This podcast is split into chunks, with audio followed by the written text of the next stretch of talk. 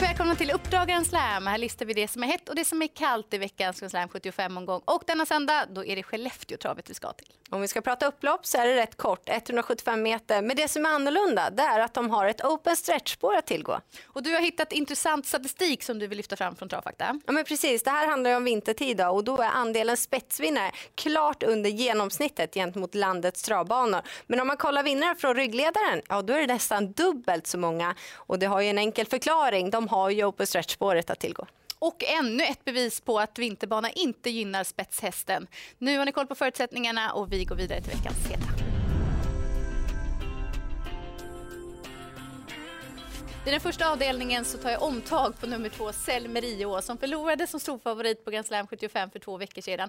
Men då blev det lite positionsbekymmer och han hade för långt fram och slutade tvåa. Men sen studsade han tillbaka till vinnarcirkeln. Han har hunnit med ett lopp i Finland, vann enkelt då så visade att formen fortsatt är intakt. Han trivs på vinterbana och kortdistans så har han startat 13 gånger och resultatet 8 segrar så förutsättningarna är ju riktigt goda. Och I den andra avdelningen så vill jag prata om nummer sex Vik Victoria som gick ett bra upplopp senast. Hon är jämn och stabil, fungerar väldigt fint på vinterbana. Dessutom blir det Ulf Olsson i sulke för första gången och Jerker Bjurman som tränare. Han har verkligen toppform för dagen. I år har stallet hunnit med sex starter och hästarna har aldrig varit sämre än fyra och han har 50 i segerprocent. Det är starkt. Går vi till den sjätte avdelningen så finns en häst som vi har jagat och jagat. Då pratar du såklart om 11 Knights Victory. Hon fungerade inte hundraprocentigt i travet senast, men trots det så fick hon ändå med sig en tredje plats hem. Det här ska ju såklart vara åtgärdat nu och hon behöver rätt resa, men om hon får det så har hon en riktigt vass avslutning. Och dessutom så trivs hon förträffligt på vinterbana. På fyra starter har hon aldrig varit sämre än tre. Och jag fortsätter på det spåret med att inte släppa hästar. Nummer fyra, Deliver, kom ut igen i avslutningen. Och jag trodde ju på honom senast. Då fick han en fin resa. Fick chansen för sent. Men spurten bakom vinnande Maybach VF var väldigt bra. Som återigen bär favoritskapet. Och Deliver är ju ingen häst som ska göra allt för mycket jobb själv. Utan är ju en vass avslutare och Får han spara sin speed kan han spurta förbi samtliga. Extra kul hade det kunnat varit om man hade kunnat utnyttja open stretch-spåret. Du kommer inte ge det för han har vunnit. Nej, det gör jag inte. Förhoppningsvis är det ju redan på söndag. Den sista heta hästen hittar vi hos veckans profil som denna vecka är Hanna Olofsson.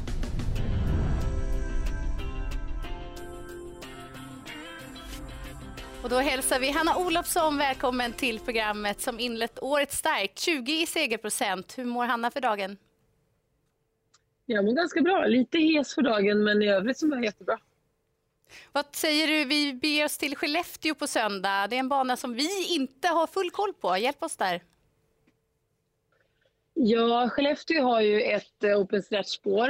Eh, ganska kort i förhållandevis till Åby då, som jag uppfattar det. Och, eh, ja, men annars så, Skellefteå håller en väldigt fin isbana. Det är väl, tycker jag, det huvudsakliga här idag.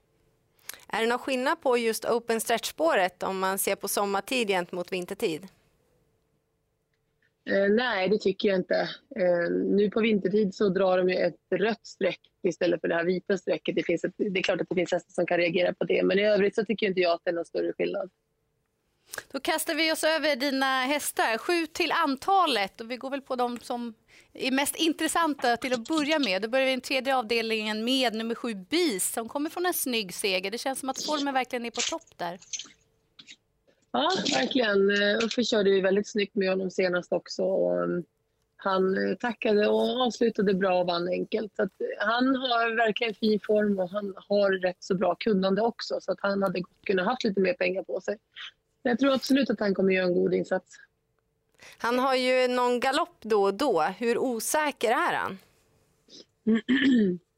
Ja, det har han. Och jag skulle säga att huvudsakligen har han galopperat i sista kurvan när han har haft vad jag då tyckt mycket krafter sparat och så ska jag liksom bara köra undan med han och så blir han lite själv och så får han eh, lite spagettiben. Han har lite svårt att hålla fokus när han inte har häst på sidan. Så att, eh, jag tänker att jag kanske har lärt mig nu att även om det känns bra så ska jag inte köra ifrån någon häst utan han, han vill ha sällskap helt enkelt. Och voltstart spår 5, tror vi att det fungerar bra? Ja, han har varit väldigt stabil men det är klart att det är det svåraste spåret tror jag för honom om det är något spår som är svårt men eh, jag tror att det går bra. Och I den fjärde avdelningen har en otroligt fin fyraåring, nummer åtta Last Dying Breath. Eh, vad grym han såg ut senast. Var han så bra som du hade förväntat dig? Ja, det var han. Det blev ett ganska billigt lopp. Jag fick köra rätt sakta och det var tacksamt. Han var inte rättad på något sätt. Att han, det gick fort sista halvvarvet. Och, så det var kanske ett lämpligt lopp för honom eh, som första för i år. Då. Eh, men han känns jättefin efteråt också så det är inget, inget att klaga på alls. Läget är ju vad det är. Det är mm. kort distans, det är spår 8 bakom bilen. Hur går dina tankar? Ja, men jag tänker nog att jag, jag kör framåt, så känns det. Och det kanske är någon som är snabbare och i värsta fall får vi väl ta utvändigt då. Eh, men det är inte hela världen heller, utan jag tror att han har en god chans oavsett. Det låter bra. Går vi vidare till den sjätte avdelningen så har du dels fyra Girl Has No Name som har gjort en start i din regi och så tolv Bag In Box. Mm. Det var första på isen för A Girl där och eh, hon klöste sig lite i kronränderna bak så hon ska få en käk eh, den här gången så hon får lite hjälp eh, när det ska gå fortare. Så jag hoppas att det ska vara avhjälpt till denna gång. Eh, formen är väl lite diffus såklart. Men Jenny får köra som det känns. Och bag box känns väldigt bra träning och hon är väl även på uppåt i tävlingssammanhangen. Hon har varit lite av en besvikelse sista loppen då hon har tränat bättre än hon har levererat tycker jag. Så att, eh, jag hoppas på en god insats men hon är lite svårbedömd ändå. Och går vi till avslutningen där 12, The Oak LA. Det är ju ett tråkigt läge men hästen har ju verkligen form.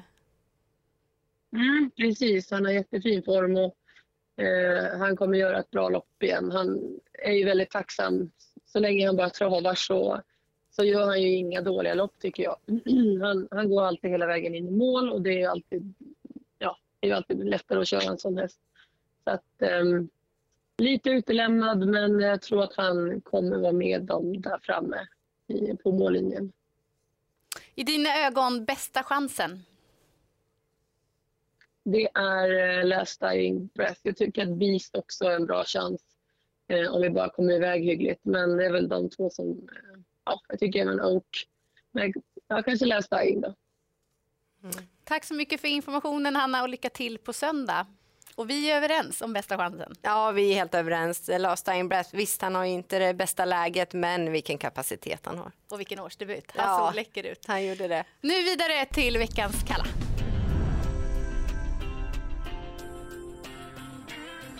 Vi börjar i den tredje avdelningen med nummer två Bravo U mot Rådi som visserligen vann lopp så sent som i torsdags men det var skralt motstånd, inte den lättaste banan men det slutade med att han fick bära tre bots per framhov och ändå var det nära galopp från start. Nu är han debut med täta starter och på vinterbana och jag känner mig inte trygg med att travet kommer fungera.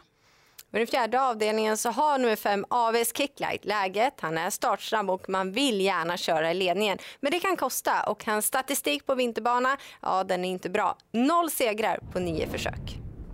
Och då rundar vi av programmet i vanlig ordning genom att lyfta fram varsin måstehäst. Då väljer jag sex Vik Victoria i den andra avdelningen. Hon måste ha lite hjälp under vägen, men vilken stallform Jerker Bjurman har. Och en som har form, det är nummer fyra Deliver i avslutningen. Snart är det hans tur. Och spelformen Grand Slam 75 är också fortsatt form. Bra utdelning igen i söndags. Verkligen, så häng med oss nu på söndag Grand Slam 75.